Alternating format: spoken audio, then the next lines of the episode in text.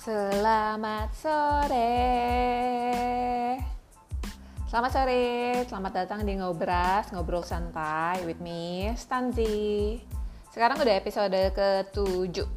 Stay waras, masih waras semua? Insya Allah masih. Oke. Okay. Stay negatif from corona. Apakah kalian di sana negatif, jauh-jauh dari kerumunan, masih ngikutin protokol yang ada?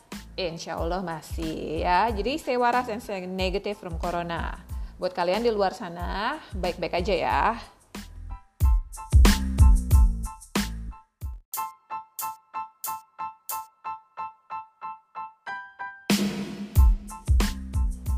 Jadi untuk episode kali ini kita akan bicara tentang passion. Apa? Passion. Bukan pasien ya, kita ngomongin passion atau gairah.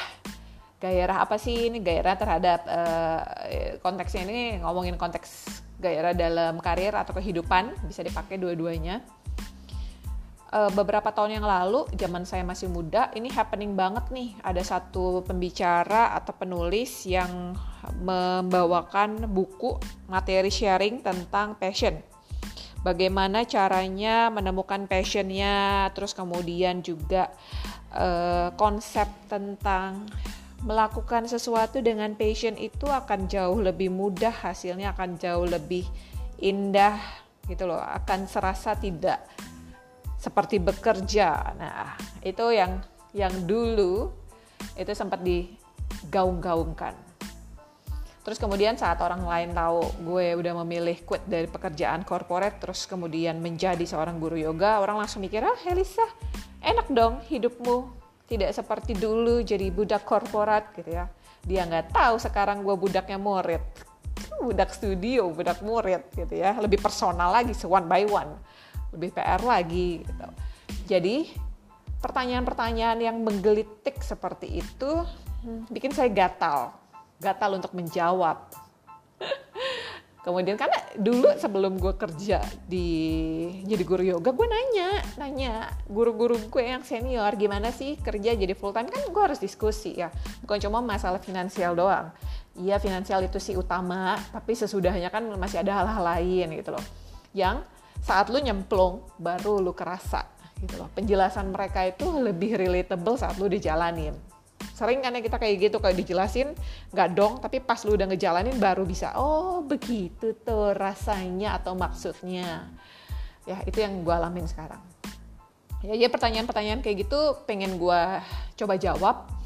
Terus kemudian seperti kata pepatah, semua itu tampak lebih indah dari luar ya dari jauh itu tampak indah. Kehidupan orang pasti terlihat lebih mudah, terlihat lebih indah. Seolah-olah hidup kita doang yang paling menderita.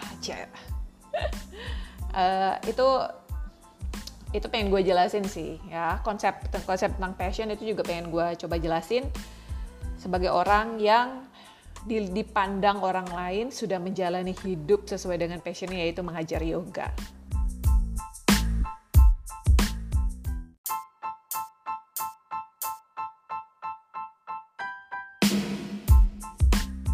Jadi banyak orang-orang di luar sana, termasuk saya, zaman saya masih muda, kayak punya pressure sendiri gitu loh untuk menemukan passionnya dalam hidup. Karena ada pikiran kayak, apalah artinya hidup kalau kita tidak menemukan passion? Apalah artinya hidup kalau kita uh, tidak tidak bisa menjalankan pekerjaan yang sesuai dengan passion kita? Betul? Hmm, pasti mikirnya kayak gitu juga ya tapi sekarang saya mau kasih tahu ke Anda-anda semua kalau yang namanya passion itu bukan kayak magical solution yang akan bikin semua masalah kita hilang seketika. Kalau saat kalian menjalani pekerjaan yang sesuai dengan passion, tiba-tiba yes, baterainya full 24 jam, tenaganya ada terus, moodnya selalu di atas, duitnya selalu bagus itu ilusi gengs. Itu ilusi banget. Ya. Jadi intinya gini. Oke deh kalau lu udah nemuin passion lo gitu ya. Tapi yang namanya orang kalau dia nggak happy kalau misalnya lu udah nemuin uh, passion terus if you are unhappy you will be an unhappy person with a passion. Jadi lu bakal jadi orang yang nggak bahagia dengan passion. Lo udah passion sih tapi cuma lo gak bahagia tapi kalau misalnya lo adalah orang yang menemukan passion tapi lo tipenya adalah yang suka komplain tentang apa pun itu intinya ya kamu akan jadi a miserable complainer with a passion gitu loh. Cuma ada kata-kata tambahan uh, with a passion gitu loh. Jadi intinya don't expect that your life will be better. Kalau lu udah menemukan sesuatu yang lu cinta atau atau yang lu lakuin itu lu bener-bener suka jangan expect kalau kehidupan lu akan lebih baik. Dengerin kata-kata gue gue ulang lagi. Do not expect that your life will be better when you love what you're doing. Ya life is still life. Yang namanya hidup ya tetap aja hidup gitu loh. Lu harus bangun pagi, lu harus kerja, lu harus berjuang, dan lu harus deal dengan hal-hal lain yang ada di dalam kehidupan ini. Nah, jadi nggak ada tuh kayak secret happiness itu tuh nggak ada dan passion itu bukan seperti itu gitu loh. Jadi konsepnya tuh harus diruntuhin dulu. Jadi saat orang orang kayak kasih lu pressure untuk cepet cepet cepet nemuin passion gitu ya, tunggu dulu, tunggu dulu Ah, tunggu dulu.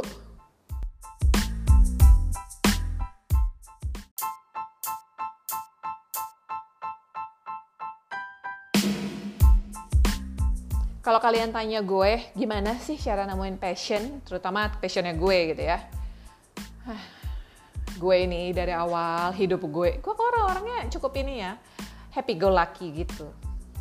Maksudnya hidup tuh enteng-enteng aja gitu nggak bukan yang tipe pemikir yang bisa mikir jangka panjang dengan segala macam analisa resikonya. It's not me gitu loh.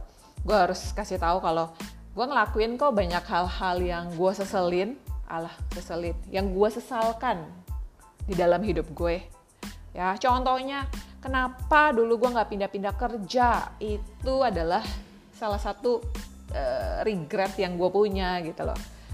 Ya uh, adalah keputusan-keputusan bodoh yang yang yang gue ambil dulu. Jadi gue tidak dilahirkan dengan tahu kalau gue akan jadi guru yoga. Ngerti gak sih yoga itu baru gue pelajarin berapa lama coba. Baru ada baru affordable baru accessible itu baru berapa tahun terakhir.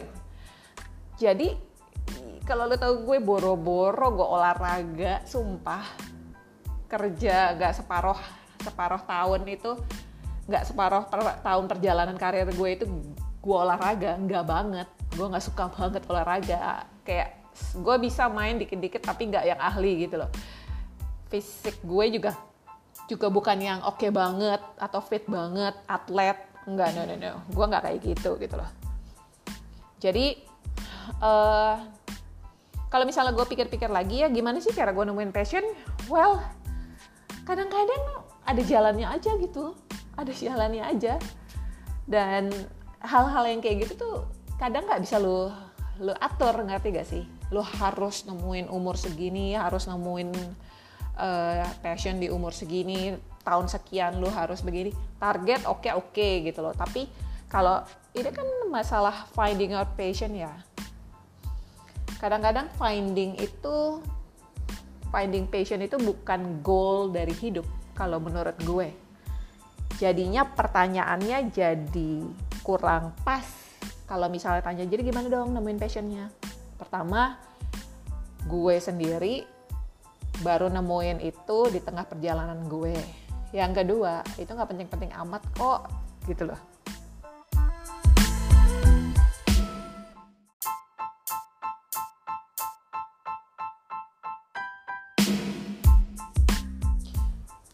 Jadi kalau misalnya sampai detik ini lo belum nemuin passion lo, pertama santuy, gak usah buru-buru kayak nemuin jodoh jodoh aja sekarang gak usah lo kejar-kejar kan. Sekarang aja orang udah santai gitu loh eh, ngomongin jodoh.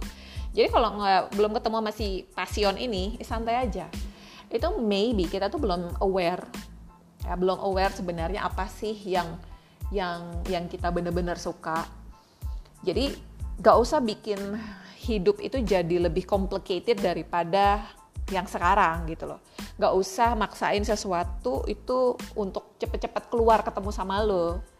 itu tuh bukan jerawat yang bisa lo pencet langsung keluar ngerti gak sih gengs Oke, jadi sekarang gimana sih caranya? Pertanyaannya jadinya bukan gimana cara nemuin passion lo, tapi bagaimana caranya lo menstimulasi otak lo supaya dapat lebih banyak insight. Itu dulu aja deh.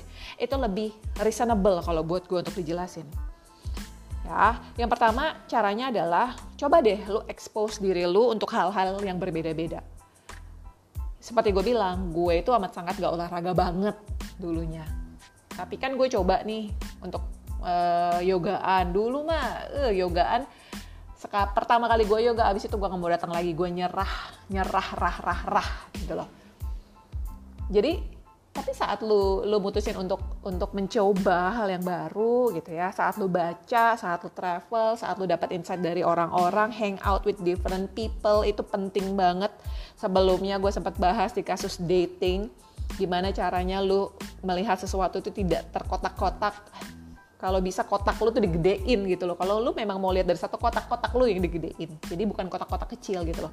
Karena saat lu bergaul dengan orang yang berbeda-beda, insight-nya bisa aja beda gitu loh. Itu bisa memperluas pikiran lu, informasinya lebih dapat, dan saat lu bertukar pikiran, uh, semoga lu bergaul dengan orang yang tepat ya. Tapi saat lu bertukar pikiran, ada kemungkinan lu dapat influence yang oke okay dengan orang yang tepat yang tadi gue bilang. Kemudian yang kedua adalah jangan stres, jangan panik ya. Saat lo panik, saat lo orangnya panikan, kemudian takutan gitu loh. Uh, lo cenderung kayak nggak bisa ngelihat sesuatu secara clear. Lo tidak bisa fokus, coba deh relax, berpikirnya lebih jelas, coba fokus sehingga lo tuh udah udah bisa lebih lebih apa ya lebih reasonable lagi saat lo melihat sesuatu, saat memutuskan sesuatu, asal pandangan lo nggak kabur, ngerti gak sih? Jadi saat lo melihat, kalau lo ingin mencari sesuatu, lo pastiin lensa kacamata lo tuh bersih. Itu yang kadang-kadang orang suka kelupaan. Orangnya orangnya ke mana-mana sih pikirannya, orangnya tuh ke mana-mana sih emosinya, itu lo harus manage dulu Kemudian yang ketiga, salah satu yang paling penting buat gue adalah bagaimana caranya lo itu untuk lebih fokus sama hal-hal yang matters, yang lebih penting. Fokuslah sama hal yang penting, yang esensi, karena sesungguhnya di dunia ini banyak banget hal-hal yang sangat tidak penting, ngerti gak sih? Hiasan, dekorasinya tuh banyak banget, esensinya tuh cuma dikit tapi banyak yang distract kita di luar sana. Coba deh apa sih yang yang yang sebenarnya lo cari, sebenarnya lo suka gitu loh. Jangan suka ke distract sama kayak apa sih misalnya ya jadi kayak ke distract sama social media, distract sama Netflix yang terlalu kayak banyak kayak binge ngerti gak sih sampai udah enak-enak. Terus juga uh, apa ke distract sama kehidupan orang lain yang lo kepoin yang serasa indah banget hidupnya it doesn't matter ngerti gak orang di luar sana itu yang tampilan-tampilan di luar sana itu kadang-kadang suka ngaburin ngaburin pandangan. Nah coba tiga itu. Gimana caranya expose diri lu diri lu terhadap hal-hal orang-orang informasi yang berbeda. Yang kedua coba manage dulu stress sama anxiety atau uh, segala kegelisahan yang lu punya supaya lu bisa berpikir lebih jelas dan yang ketiga adalah fokus sama sesuatu yang benar-benar penting, yang esensi, supaya lu tidak terdistract. Itu dulu, tiga itu dulu.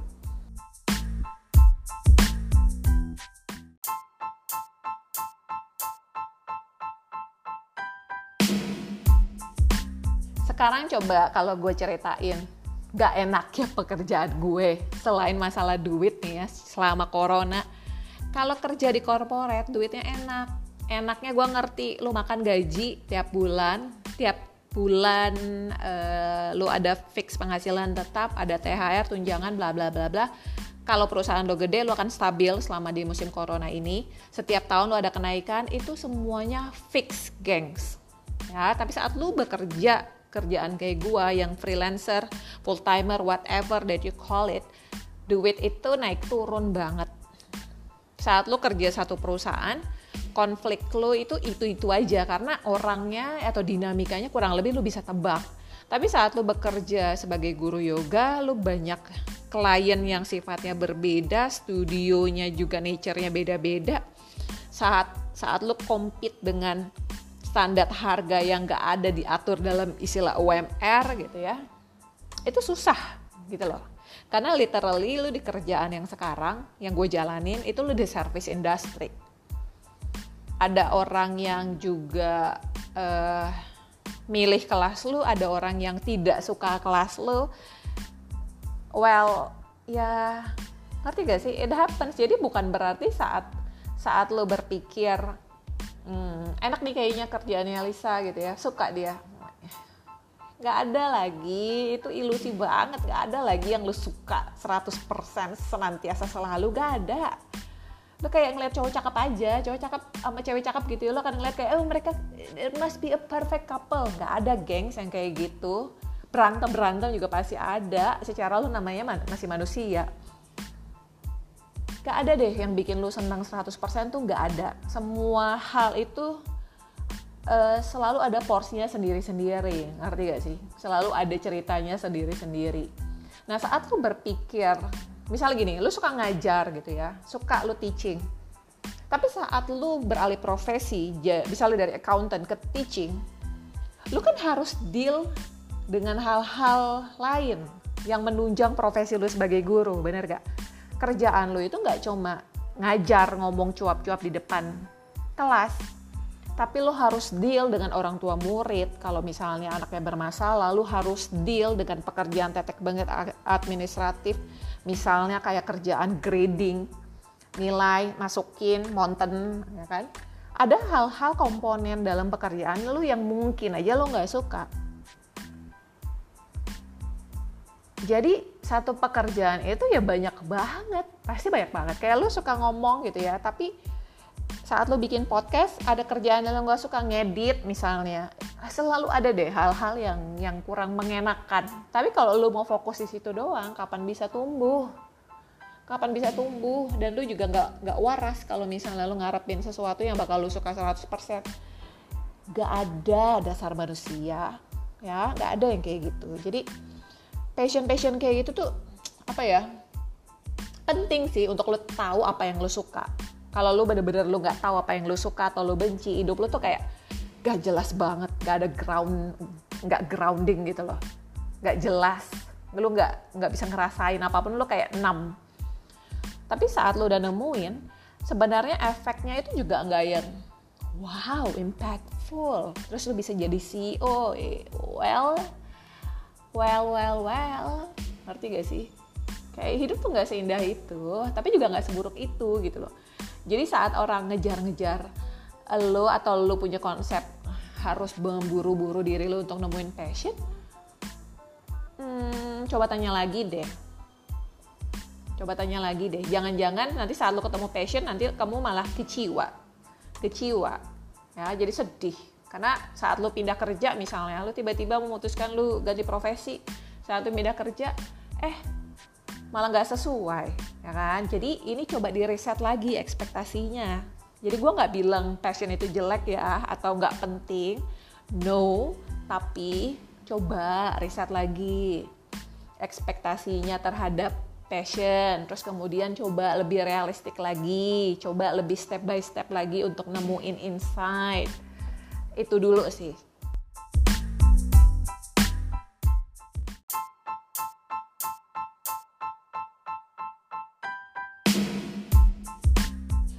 Jadi kalau menurut gue pertanyaan tentang passion it's so last decade itu sangat kayak 10 tahun yang lalu gitu loh. Saat lo mencari-cari, saat itu sedang happening, oke. Okay dikala lu muncul pertanyaan atau keinginan atau tergelitik untuk mencari tahu passion lo apa, it's good. Bagus itu namanya.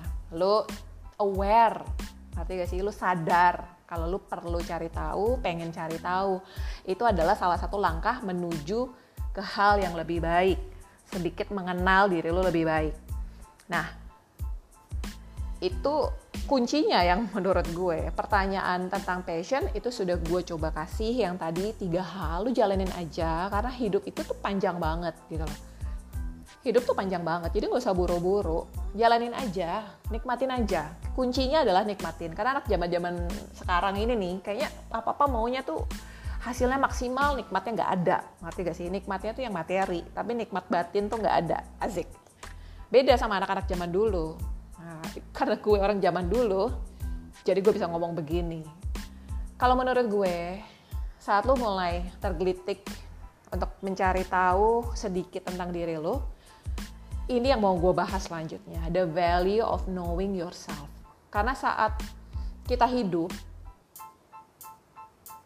siapa sih yang mau kita kenal? Kita ini kan banyak orang yang bilang hidup itu kayak, ini buku gue, gue ini pengarangnya gue pengen tulis nih buku ceritanya kayak gimana itu gue. Ngerti gak sih? Itu gue cerita gue gue pengarangnya gue yang harus cari tahu kisahnya mau dibawa ke mana. Yes. Tapi kalau lu tidak tahu diri lu itu siapa kalau lu tidak tergelitik untuk mencari tahu diri lu lebih lanjut ceritanya kan kayak gimana? Amburadul. Pasti. Jadi kalau misalnya hidup itu kan kayak peperangan gitu ya. Peperangan dalam arti banyak masalah di luar. Selalu ada masalah selalu ada eh, hal-hal yang harus hal-hal challenging yang harus lo hadepin. Kalau misalnya lo tidak tahu potensi lo atau diri lo itu seperti apa itu ibarat lo maju perang cuma lo nggak tahu lo punya senjata apa aja.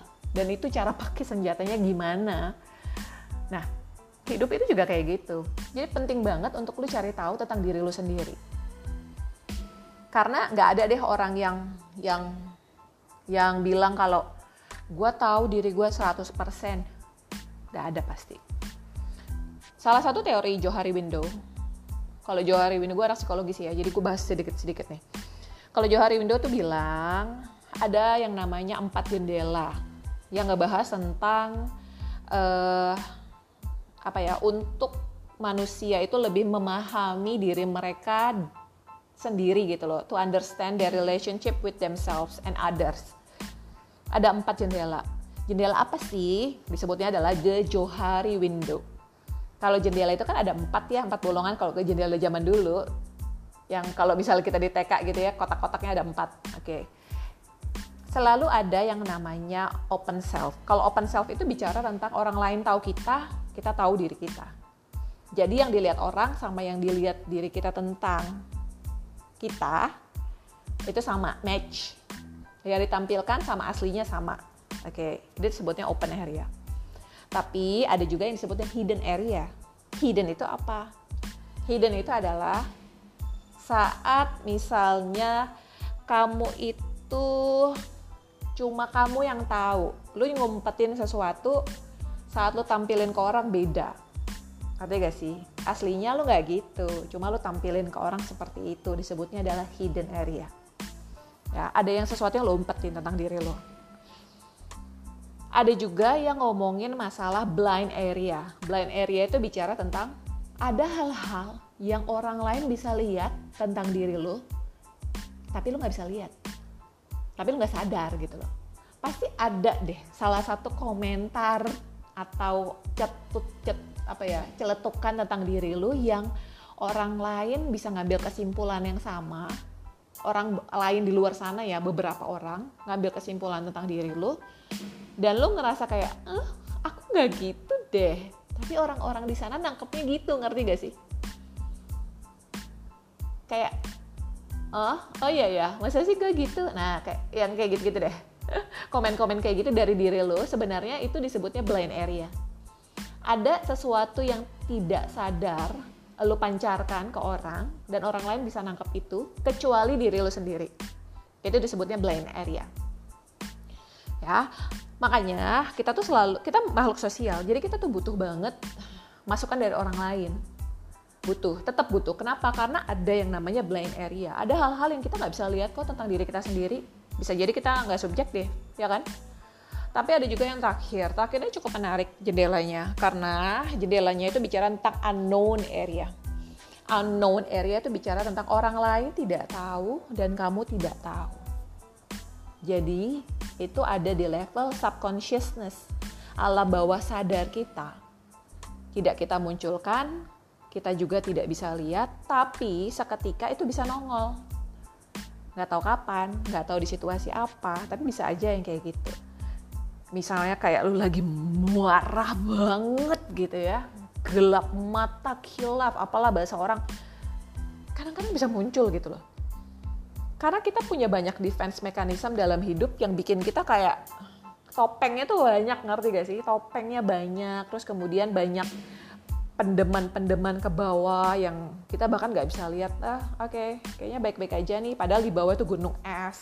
Nah yang kayak gitu loh itu menarik banget sih sebenarnya tentang psikologi uh, jadi menurut Johari ya atau disebutnya Johari Window ya kita bicara seperti itu jadi artnya atau seni untuk mengenal diri sendiri itu amat sangat menarik karena pada dasarnya setiap hari kita hidup kita tidak akan bisa mencapai yang namanya gue udah tahu nih diri gue kayak gimana.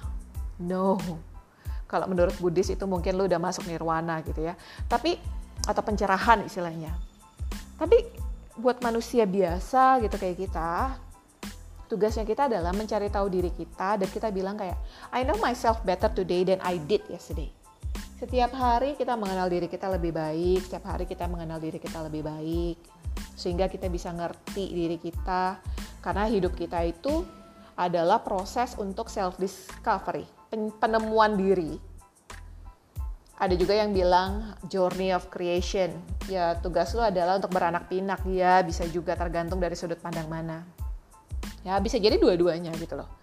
Tapi we need a certain amount of self understanding to create our best selves and a life worth living. Jadi kita tugasnya kita adalah untuk cari tahu gitu loh diri kita, kita create yang terbaik yang kita punya dan kita menjalani hidup yang benar-benar worth it, berharga.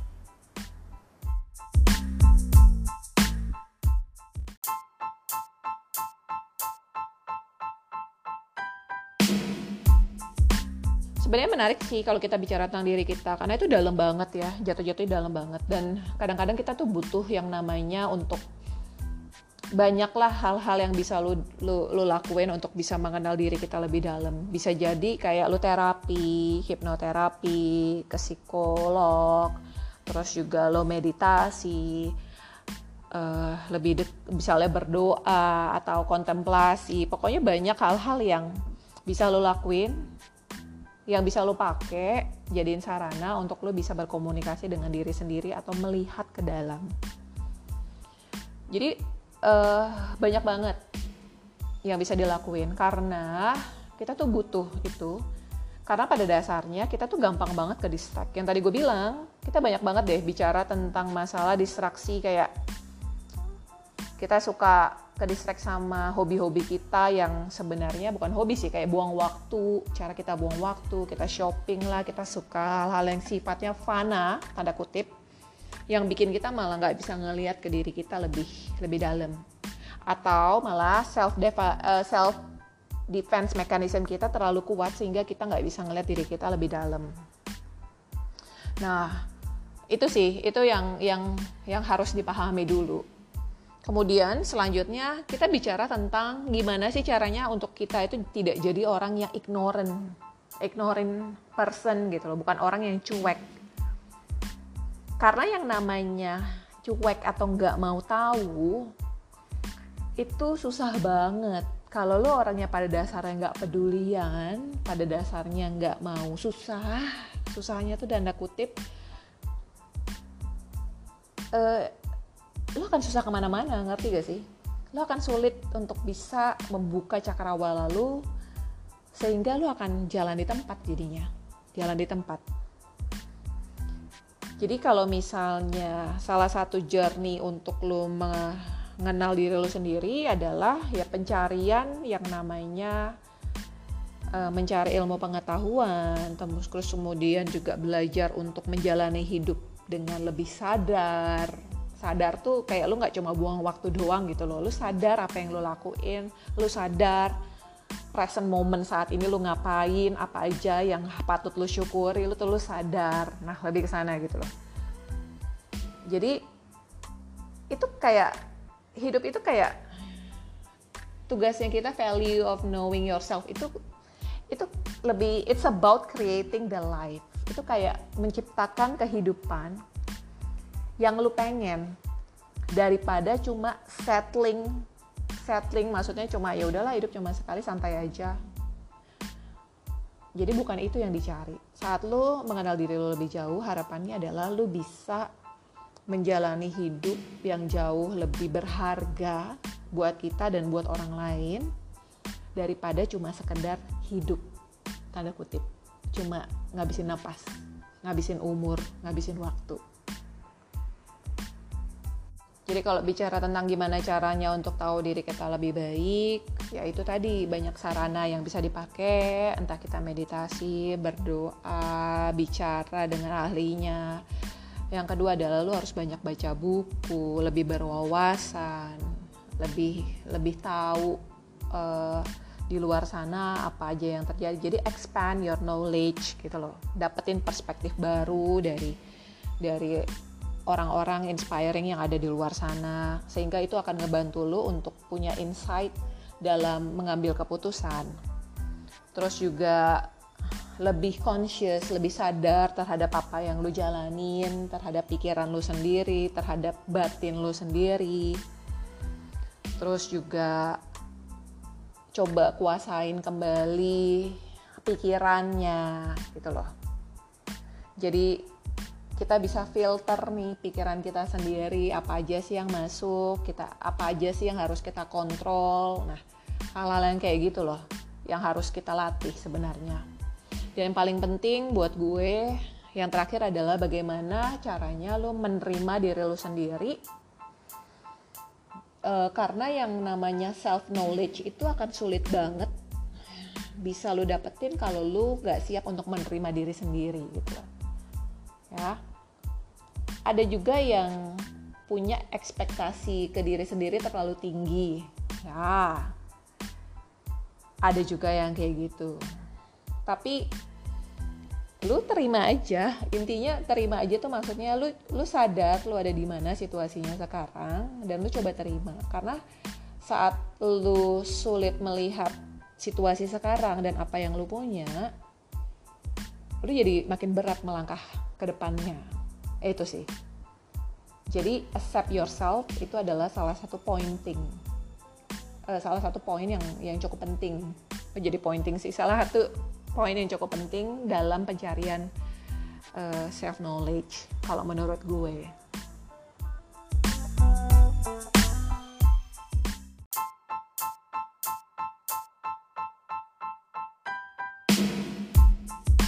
Jadi intinya untuk kita obrolan kali ini kita bicara tentang passion, bagaimana teori atau mitos-mitos tentang passion itu harus lu riset kembali ekspektasinya atau gambarannya, kemudian lu santai aja untuk cari tahunya. Malah pertanyaan yang lebih penting adalah bagaimana caranya lo menemukan diri lo lebih mengenal diri lo jauh lebih baik dibanding sebelumnya.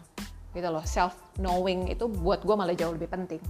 Apalagi selama pandemi ini lo punya banyak waktu untuk bisa uh, ber apa ya beristirahat dari pekerjaan lo, kemudian lebih punya waktu untuk bergaul dengan orang-orang yang deket sama lo jadi lo sedikit banyak bisa lebih kenal dengan diri sendiri. Ya karena waktunya juga lebih banyak. Sebelum benar-benar total kita balik lagi tuh normal kita masih ada waktu nih yang cukup lebih-lebih untuk bisa belajar mengenal diri sendiri. Jadi itulah rekap untuk episode kali ini semoga kalian enjoy kalau misalnya ada komen silakan monggo ya Demikian episode ketujuh Ngobras, Ngobrol Santai with Miss Tanzi. Stay waras and stay negative from Corona buat kalian di luar sana. Bye!